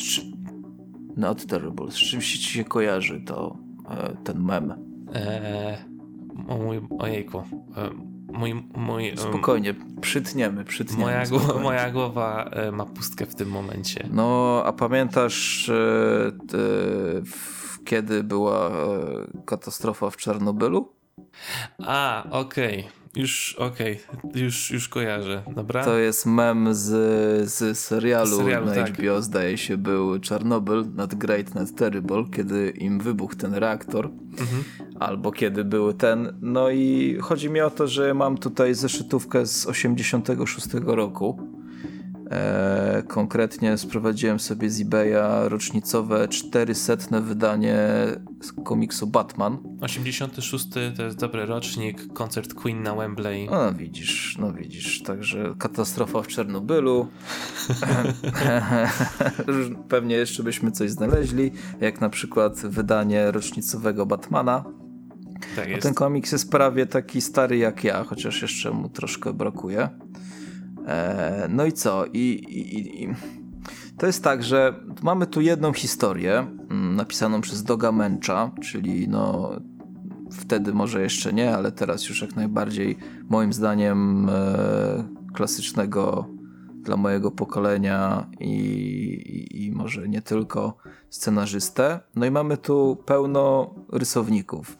E, być może młodszym stażem e, czytelników Batmana nic nie będą tu mówić te nazwiska, ale mamy coś takiego jak Art Adams, e, John Byrne, Michael W. Kaluta, Joe Kubert, bo jeszcze był, zanim był Andy i Adam, to był jeszcze taki pan jak Joe. No tak. E, George Perez, Bill Sienkiewicz i na przykład Bernie Wrightson, jeszcze kilku innych. No i e, jak to jest, że tu tyle rysowników jest w jednym zeszycie? No więc historia jest tak poprowadzona, że to jest jeden, e, jeden scenariusz grubszy, bo to jest taki poszerzany zeszyt. E, no i są podzielone na części. Na przykład wiesz, 3-4 strony rysuje jeden, jeden rysownik, po czym następuje jakby taka śródtytuł, na przykład chapter 2, nie? Jest taki na przykład śródtytuł i rysuje drugi rysownik, który rysuje ze 3-4 strony, czasem 5 i jest chapter 3, chapter 4 i tak dalej. Stąd tylu rysowników jest zatrudnionych do tego numeru. No jakoś musieli podkreślić tą rocznicowość. No i co? I co z takich ciekawostek jeszcze, bo to wiesz, na długo przed Nightfallem było, a fabuła jest taka, że ktoś wysadza e, azyl Arkham i wypuszcza wszystkich więźniów. Ktoś, e, wtedy jeszcze zdaje się, musiałbym to sprawdzić dokładnie, ale jestem prawie pewien, że wtedy jeszcze nie było e, wtedy jeszcze nie było więzienia Blackgate wymyślonego w tym roku, w 86. I tu jest coś takiego, że mm, niedaleko ob... Blackgate chyba pierwszy raz się pojawiło w e, Shadow Milligana of the... chyba gdzieś tam. A nie, a nie w Shadow of the Bat? Shadow of the Bat, ale w którym? No, gdzieś tam na początku? Nie, Shadow of the Bat na początku to był właśnie o, e, ostatni Arkham e, historia. Tam, tam chyba nie było Blackgate. Blackgate chyba u Milligana się pojawiło pierwszy raz. Zaraz, zwery, zaraz zweryfikujemy. 90 albo pod koniec lat 80. Ale e, ja, ja, sprawdzę, a ty możesz kontynuować. Tak, ale chodzi o to, że obok, tutaj jest tak fabuła poprowadzona, że obok azylu Arkham, niedaleko parę kilometrów, jest więzienie dla takich powiedzmy zwyczajnych, nazwijmy to, przestępców, e, którzy e, jakby nie nadają się do azylu, jakby nie łapią się. I to też zostaje wysadzone, tak więc wszyscy, wszyscy e, wrogowie Batmana w jednym praktycznie czasie zostają uwolnieni. e, gdzie jakaś tajemniczy, tajemniczy ktoś prowadzi ich do pewnego miejsca na jakiś, w jakimś lesie czy na jakiejś wyspie i wy, wiszą tam wszystkie kostiumy dla nich, nie? Przygotowane, czyli wisi kostium Riddlera, skafander Mr. Freeza, e, kostium, kostium Black Spidera, Catmana, Scarecrow'a, Poison Ivy i tak dalej. I, i, i, tak jest troszkę tajemniczy ten, e, ta fabuła. Nie będę może zdradzał, kto się okazuje tym, e, tym wielkim złym, ale, ale bardzo fajny komiks mi się czytało. Oczywiście on się trochę zestarzał dzisiaj, e, no ale mm, chciałem go mieć bardzo. Co tam jeszcze? No i też tak nietypowo, bo to jest zwykła zeszytówka, nie ma nawet grzbietu, ale wstęp napisał Stephen King. Taki może mało znany aktor książkowy, taki, autor książkowy. Taki niszowy e, bardzo, mało kto go zna. Tak, tak, także, także to jest takie wyróżnienie jakby troszkę do, do, tego, do tego zeszytu. No i co? No i, i bardzo fajna okładka Billa Sienkiewicza. E, zresztą Bill Sienkiewicz też rysuje wewnątrz, chociaż no, ta okładka mi się bardziej podoba niż jego. Zdecydowanie wolę, kiedy Bill Sienkiewicz jest y, tylko inkerem dla kogoś. E, no i co? I ogólnie polecam, gdyby ktoś gdzieś tam może na polskim internecie chyba nie chodzi, to nigdy nie, nigdy nie widziałem, albo bardzo dawno widziałem tą zeszytówkę. Natomiast z eBaya można sobie sprowadzić jest to takie fajne rocznicowe 400 wydanie komiksu Batman. To ja tylko dopowiem, że miałeś rację. E, Blackgate pojawiło się u Petera Milligana w Detective Comics 629 z 91 roku. Mhm. no. Hungry Grass. Tak mi się wydawało właśnie. Tak, tak Historia. tak, wygłodniała trawa. Tak, bo jak, jak robiliśmy... Tem e, Semika e, w tak, rocznik 9.2 tak, chyba, tak, prawda? Tak, tak, tak. Rocznik 9.2 to, to, to właśnie tam to, tam to wyłapałem. E, a to cała ta historia to jest, to jest tylko jedna historia w tym zeszycie jubileuszowym? Tak, to jest tak, to jest jedna historia rysowana przez, no nie wiem ile tu jest, z 15, z 15 rysowników. I są, są tam jakieś dodatki jeszcze, na przykład nie wiem, jakieś e, ilustracje? No tak, tak, oprócz tego wstępu Stephena Kinga to mamy, jak to się chyba nazywa, pinapy, takie jakby, tak, tak, ale no dużo tego nie ma, bo mówię, to jest, to jest zeszyt, który ma w sumie 60 parę stron, e, ale no nie ma grzbietu, ma tą taką miękką oprawę i są cztery pin-upy. E, bardzo fajny pin-up Mike'a Grella jest tutaj, gdzie Batman siedzi w deszczu na jakimś maszkaronie. Bardzo świetnie narysowany. E, Berniego Wrightsona mamy, takiego też fajny, fajny rysunek. Mm, Michaela Kaluty i kogoś, kto tutaj jeszcze jest, a nie rozpoznaje go akurat. Steve'a Ruda. O, to tak a propos, e, Steve Rud to przecież rysował ten World's Finest, który omawialiśmy. E, tak, a znaczy to akurat nie wygląda jak, jak Steve Rud. Nie wiem, czy to może papier się e, trochę zestarzał przez te lata albo coś, ale no zdecydowanie lepiej Steve Rud wypadł w tym komiksie, który omawialiśmy miesiąc czy dwa lata, czy, czy dwa miesiące temu.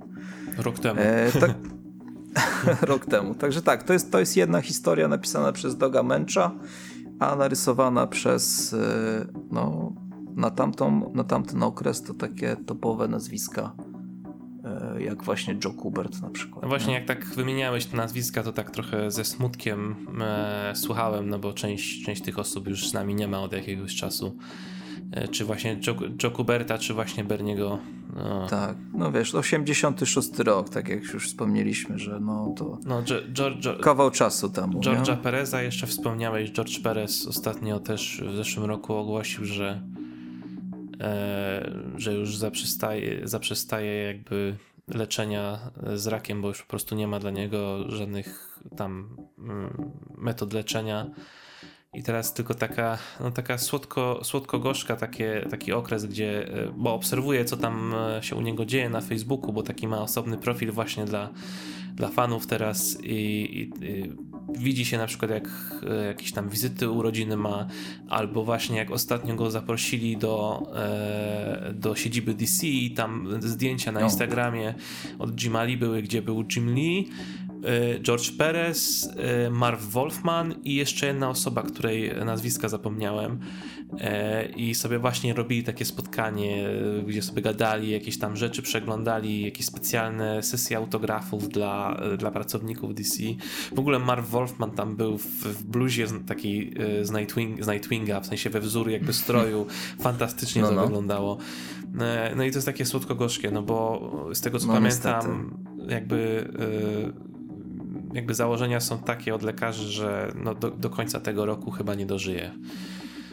Z tego co kojarzę, więc no. No przykre. Przykre, przykre bardzo, no. ale, ale no zawsze w takich sytuacjach sobie myślę, że, że to ile taka osoba zostawi za sobą, już zostawiła właściwie od lat, zostawia wyśmienitej pracy, e, jakby. Mhm szacun, nie? No, tak. no, no po prostu tak, tak. Perez to jest na pewno jedna z takich no klasa, no to jest po prostu klasa. Zresztą jak Pewnie. wiele tych nazwisk, które wymieniałeś właśnie w tym zeszycie.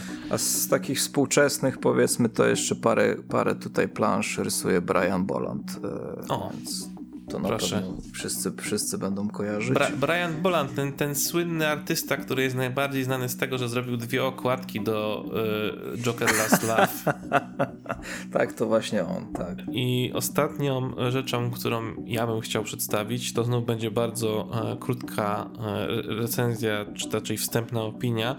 Trochę, trochę w sumie żałuję, że tak na szybko, znaczy, że teraz to robię, bo się okazało, że lepiej byłoby to zrobić trochę później. Już tłumaczę dlaczego. E, wyszła, wyszedł pierwszy numer e, miniserii, czy właściwie maxi serii, bo to będzie aż 10 zeszytów, serii Batman The Night. Nie pamiętam, czy mówiliśmy o tym w podcaście w przeglądu nie, nie, newsów, nie, nie, chyba nie. Nie. E, I to jest seria pisana przez Chipa Zdarskiego i rysowana przez Carmine Di Gian Domenico, mam nadzieję, że dobrze przeczytałem nazwisko włoskie, mm -hmm, więc mm -hmm. mamy taki europejski dotyk, że tak powiem, w tym komiksie. E, Maxi seria, która opowiada o takim okresie w działalności Batmana, czy właściwie życia Bruce'a Wayne'a, który bardzo rzadko był podejmowany w komiksach. I chodzi po prostu o ten okres pomiędzy śmiercią Wayne'ów, a tym, kiedy Bruce wraca do Gotham City już jak w roku pierwszym. E, oczywiście e, był, był słynny komiks The Man Who Falls od chyba mhm. Onila, jeśli dobrze pamiętam, który tak, pokazywał tam mhm. podróż e, Bruce'a. Był Batman Zero Year, który trochę to uzupełniał mocniej jeszcze. No, e, mówi się, że e, bardzo często się mówiło, że Batman Begins był takim, było taką pierwszą rzeczą, która tak bardzo mocno eksploatowała to, co się działo w tym czasie. No i The Batman The Night jest właśnie taką serią, która uzupełnia te luki.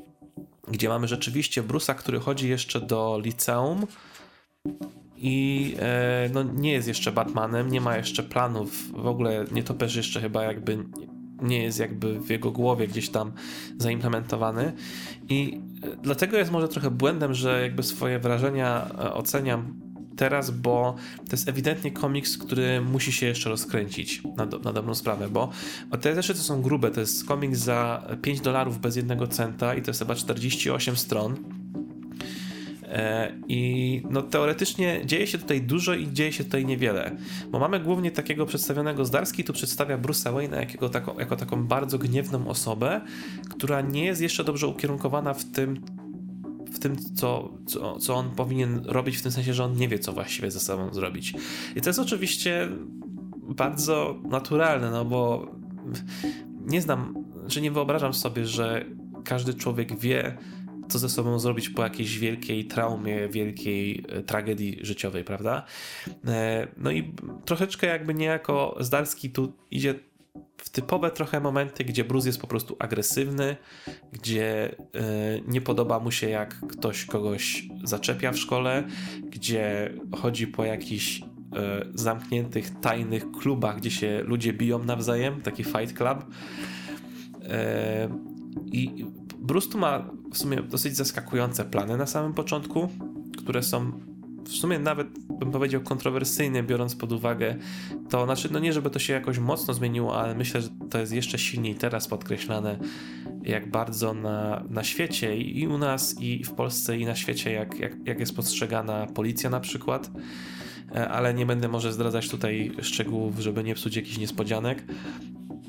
E, jest Alfred, który ma, ma, ma swoją metodę na to, jak tego Brusa przywołać do porządku, chociaż to też niejako trochę się w pewnym momencie odwraca przeciwko niemu. to jest ciekawe. Bo on mu tam zaleca, co powinien zrobić, na czym się skupić, no i Bruce się na tym skupia, rzeczywiście, ale na podstawie tego on e, jakby dostaje e, nowe pomysły na, na, na robienie rzeczy, których nie powinien robić. Bo, tu, bo, tutaj mamy też eksploatowany ten wątek, motyw tego, że Bruce jakby ma to nastawienie, że on nie chce jakby czegoś naprawiać i mhm. robić dobrze, tylko że on chce się zemścić. Zemścić. Że mhm. jakby tu jest ta, ta, ta zemsta. I'm jest, vengeance. Tak, ta, ta zemsta jest tutaj póki co głównym jakby jego motywem działania, prawda? No to dobrze chyba, nie? To ja to tak widzę właśnie. No trochę, ale nie? patrz, nawiązując do tego, co było w, bo wspominaliśmy o Batman Forever, prawda? Tam był taki bardzo fajny e, wątek i dialog też między Bruce'em a Dickiem, gdzie Dick chciał, żeby Bruce go wytrenował po to, żeby Dick mógł za zamordować tu Face'a. I Bruce mu daje wtedy wykład, taką pogadankę, że to nie na tym to polega. To to nie chodzi o zemstę, to nie chodzi o to, żeby było ci lepiej, dlatego że kogoś zabijesz albo obijesz komuś mordę, bo na tym to nie polega i to jest zła ścieżka, która cię doprowadzi po prostu do w złym kierunku. I to jest właśnie taki brus w tym komiksie, gdzie, ten, gdzie on raczej jeszcze jest na tym raczej gorszym kierunku, a nie, niżeli tym dobrym, które miały go jakby, wiesz, poprawić. Y, I zaskakujące jest też to, że Bruce Wayne. I to nie będę spoilerować, tylko może powiem, a część się pewnie osób domyśli, część może nie, to wtedy przeczyta i sama się przekona. E, Bruce Wayne spotyka się tutaj z poleconym przez swoją koleżankę e, miłość szkolną z psychiatrą czy psychologiem, specjalistą. No nie mów, że Johnny, że Johnny tam jest. No, nie, nie, nie, nie, to nie, okay. nie jakby, słuchaj, jakby, jakby to był Scarecrow, to bym ci powiedział dużo wcześniej. Okej, okay. dobra. Jest ktoś, jest ktoś inny. E, Hugo. Jest ktoś, nie, nie będę potwierdzać, nie będę zaprzeczać. Mhm. E, przekonacie się sami. Jest, jest bardzo specyficzny Hugo Strange. tego. Mhm.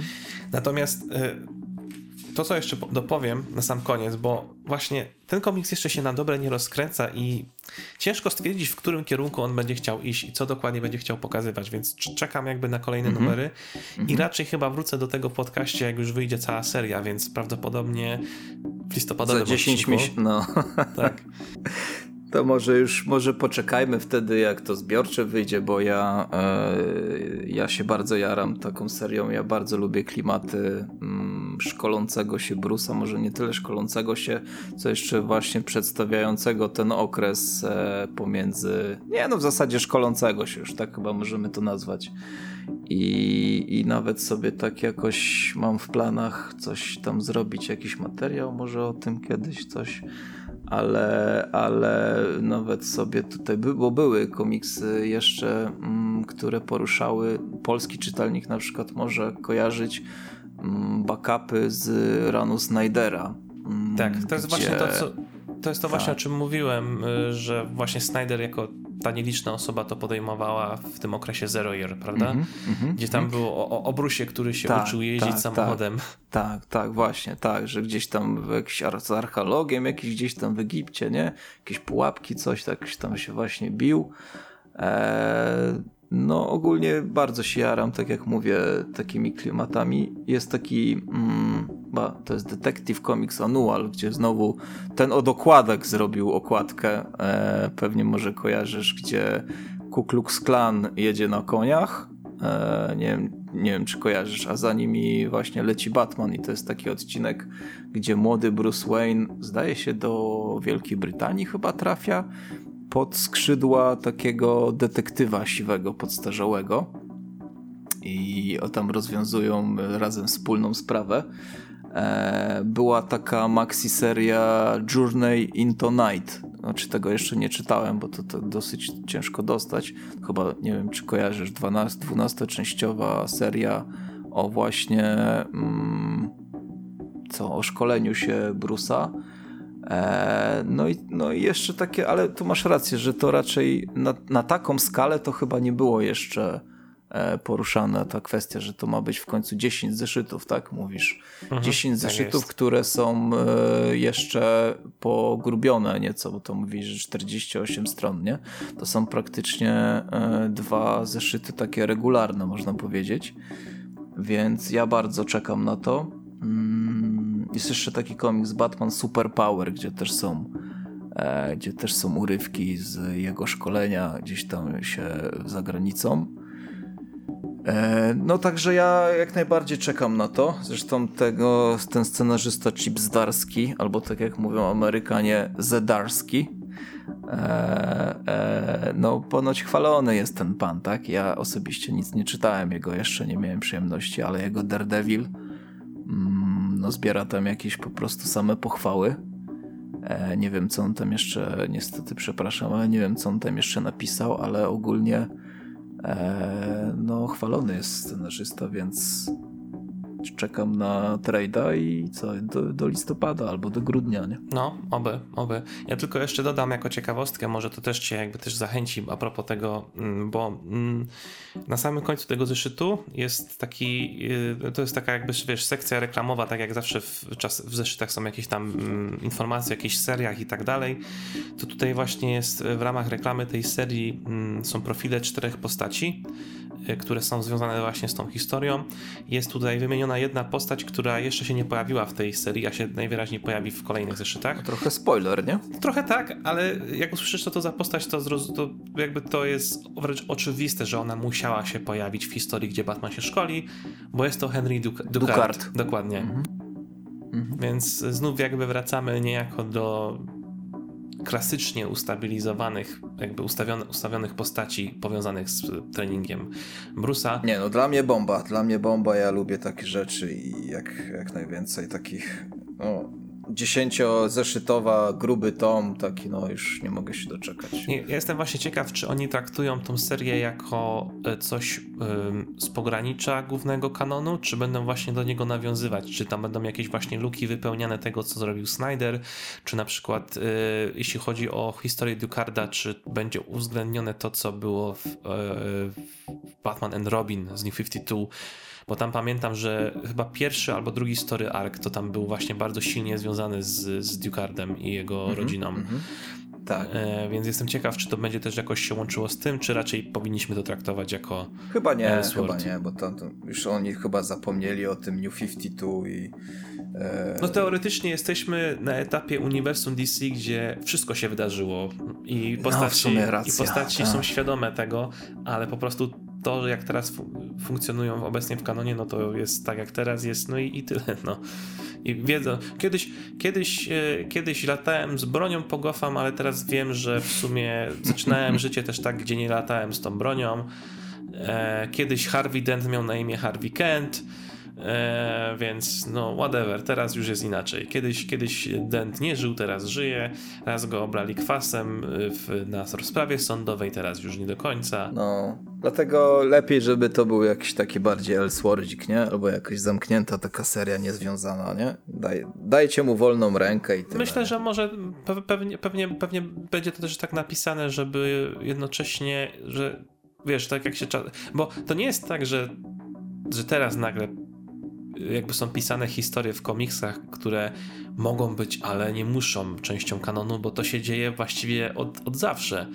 Zawsze wychodziły jakieś miniserie albo maxi serie, które jakby wiesz, były jakoś na pograniczu y, tych, tych kanonów i, i w sumie nie musiały być jego częścią, y, ale jak ktoś, ale jak ktoś zechciał w głównym Batmanie albo Detective Comics nawiązać do tej historii, no to to po prostu zrobił.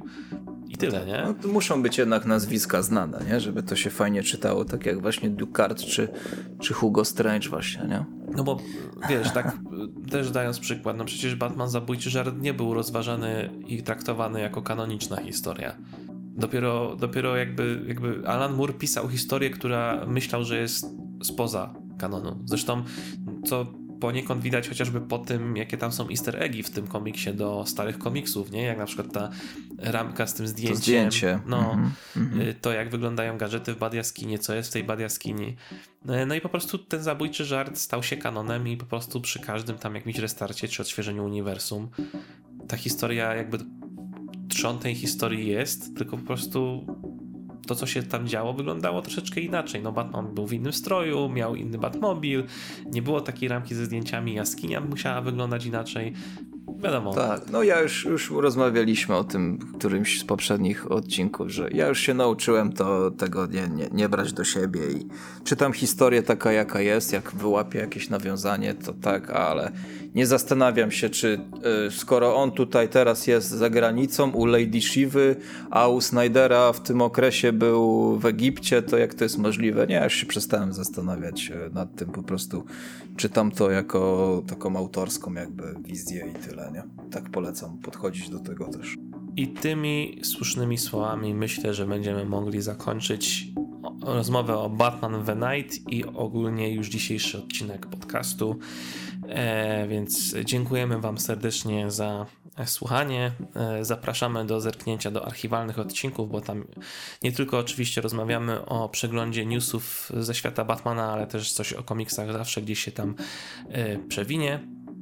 E, Tak jest. no i cóż, e, mamy, mamy fajny plan na, na e, odcinek za miesiąc, prawda? Jeszcze ben- Tak mo- jest, może, może tak zdradzimy jest. trochę później. Komiksowo, Tak, tak. będziemy komiksowo. głównie komiksowo. Będzie to miało związek z pewną rzeczą, o której dzisiaj już mówiliśmy. E, myślę, że 4 marca. tak, tak. Myślę, że będzie warto posłuchać. Mam nadzieję, chyba, nie wiem. Mam nadzieję też. Tak. Nie wiem. Też nie wiem. Zatem do usłyszenia. Cześć. Dziękuję. Cześć.